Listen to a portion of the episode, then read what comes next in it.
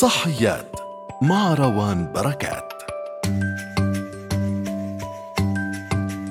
أهلا وسهلا فيكم بحلقة جديدة من بودكاست صحيات. اليوم رح أشارككم قصتي الشخصية.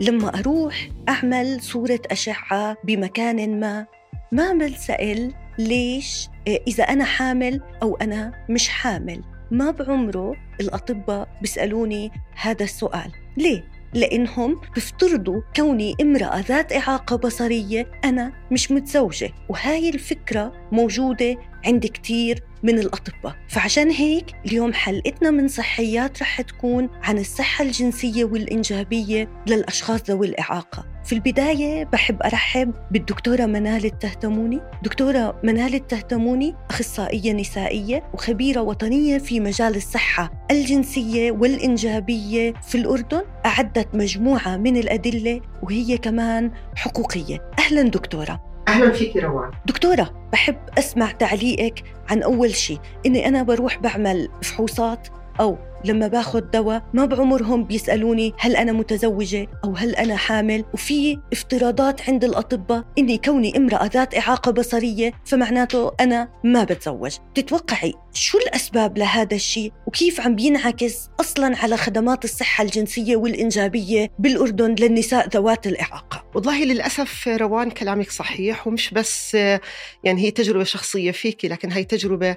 بعتقد أنه عانت منها العديد من النساء ذوات الإعاقة. للأسف في صورة نمطية عندنا بالمجتمع والطبيب أو مقدم الخدمة الصحية هو جزء من المجتمع وبالتالي عم بيعكس خلال خدمته وتقديمها آه بعض الأفكار النمطية اللي عاش وتربى في خلالها. إيه كمان يعني بدنا يمكن نركز كمان على المناهج التعليمية. يعني للأسف كمان بقدر أقول إنه مناهجنا تتعرض للإعاقة لكن أسباب الإعاقة الوقاية من الإعاقة التعامل مع الإعاقة ولكن قضايا الصحة الجنسية والإنجابية للنساء والرجال. وبدي أركز هون على كلمة رجال مش بس للنساء. للأسف ما أعتقد إنها تطرح بالمناهج التعليمية أو كقضية ممكن إنه يناقشوها طلاب الطب أو الصيدلة أو التمريض. وبالتالي نقص التهيئة نقص التدريب عم ينعكس على الأداء وعلى تقديم الخدمة. بدي أضيف على هذا الكلام اللي هو البنية التحتية.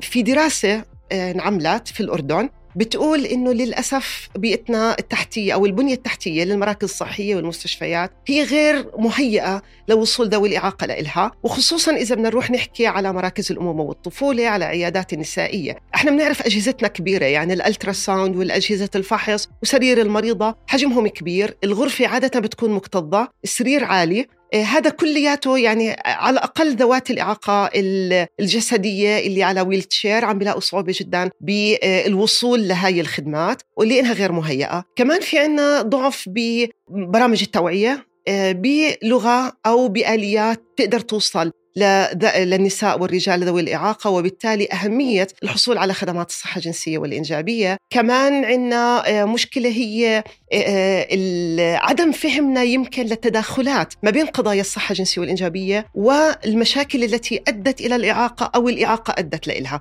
مثل مثلا مشاكل في القلب في المسالك البولية في الأعصاب في يعني العديد من الأجهزة. هذا كلياته بخلي فعلا في تحدي بالوصول إلى الخدمات. اسمحوا لي اليوم أنا رح أتجاوز دوري كمحاورة وأحكي كمان كشخص عم بي بتعرض لهاي الأمور. يعني دكتورة حتى بنلاحظ إنه الأطباء لما بروح حتى لو بدنا نفترض عند دكتور أنف وأذن وحنجرة عادي إنه خصوصية المريض كذوي إعاقة ممكن يسأل المرافق أو المرافقة هي شو بتشكي. وهون بينسوا أهمية إنه اتحدث مع المريض بصفة مباشرة. التهيئة ما بتختصر على رامك دكتورة وبتوقع أنت بتتفقي معي على هذا الموضوع. أكيد يعني برجع لأقول هذا جزء من التدريب وجزء من التأهيل جزء من التغيير العادات والصور النمطية. الإعاقة الجسدية مثلا لا تعني أني لا أسمع ولا أتكلم لكن فعلا إحنا بنتوجه بشكل مباشر زي ما بنتعامل مع الأطفال. يعني دائما عندنا التعامل بصفة ناقص الأهلية وفاقد الأهلية. وتعميمها على ذوي الإعاقة بشكل عام.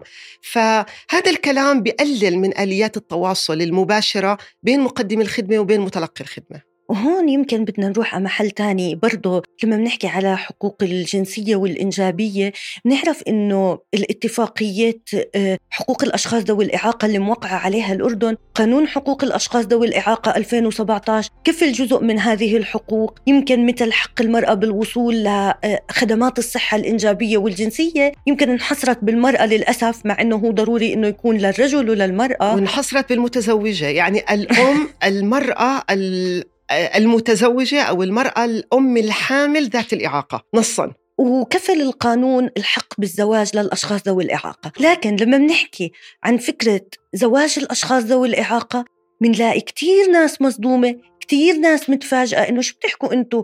هو الشخص ذوي الإعاقة بتزوج؟ وإذا شخص راح يتقدم لبنت ممكن يلاقي تحديات كبيرة. ولو افترضنا شخص من غير ذوي الإعاقة راح يتزوج امرأة ذات إعاقة أول جملة بتنحكى له ليش أنت شو ناقصك عشان تاخد؟ وحدة ما بتشوف وحدة ما بتمشي. وأنا ما عم بستخدم المصطلحات الحقوقية إنه امرأة ذات إعاقة بصرية أو سمعية لأنه الناس شو بتحكي؟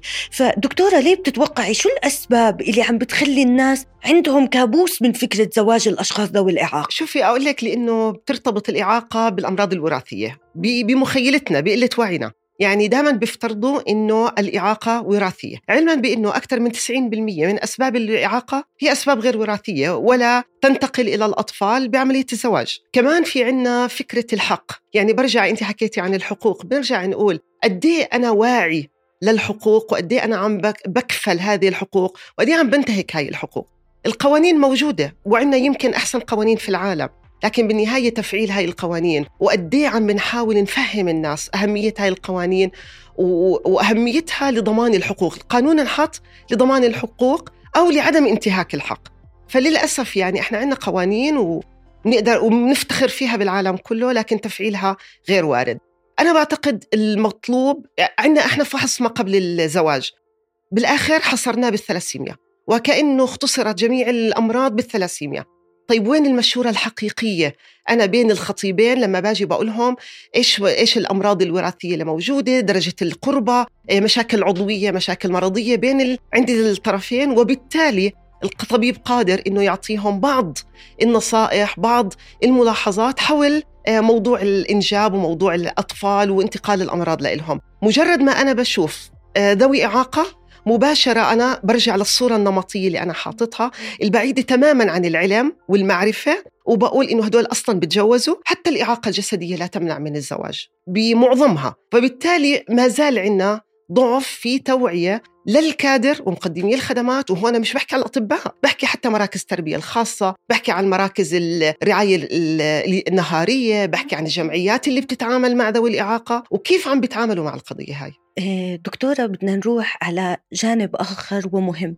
نعرف أنه هذا الحق منتهك الحقوق الجنسية والإنجابية للأشخاص ذوي الإعاقة بشكل متنوع. واحدة من الممارسات الخطيرة اللي بتخوف ما زالت موجودة اللي هي استئصال الأرحام. فبرأيك أنت كطبيبة وحقوقية هل تؤيدي استئصال الأرحام وليش؟ يعني أنا بفخر وإلي الفخر ودائما بحكي فيها إني كنت من الأعضاء اللي ساهموا بحملة آه بحملة ضد آه هاي الانتهاكات وهي استئصال الرحم لذوي الإعاقة الذهنية. للأسف آه انتهاك العملية هي عملية كبرى. الشرع الطبي أو الفقه الطبي بيقول إنه يجب إنه يصير في إجراء طبي بناء على سبب طبي. إذا أنا عندي مشكلة طبية مبرر الإجراءات الطبية مع العلم بضرورة التدرج بالإجراء الطبي. لجوء الكثير من العائلات وللأسف يعني تم رصد العديد من هاي الحالات لا استئصال الأرحام. وأحيانا بي آه، يعني بندفعوا من خلال مراكز الرعاية الخاصة اللي هي المسؤولة أساسا عن توعية الأهل وعن توجيههم. للأسف لا إجراء هاي العملية. بروحوا على الطبيب الطبيب بالنسبة لهم إنه آه، بقولوا له بنتنا إعاقة ذهنية ما بتفهم ما بتحكي ما بتتحرك وتجيها الدورة. للأسف في عندنا مشكلة بالنظافة الشخصية. آه، أحيانا كمان الخوف من الحمل بسبب عدم وعيها موجودة بالشارع بدون حماية. للأسف هي هي الأسباب اللي إحنا سمعناها من الميدان آه، بلجأ الطبيب لهي العملية تحت مبررات طبية وللأسف قدرنا نرصد تقارير طبية غير صحيحة وهذا كمان مخالف للدستور الطبي. يعني أنت شوفي حجم الانتهاكات اللي أنت عم تعمليها. تلاعب بالتقارير الطبية. بالضبط. يعني أنا ما راح أدخل بنت عمرها 12 سنة آه، بمسمى نزيف مهبلي حاد لاستئصال الرحم. هلا هذا الكلام آه، خطير جدا. استئصال الرحم هي عملية كبرى.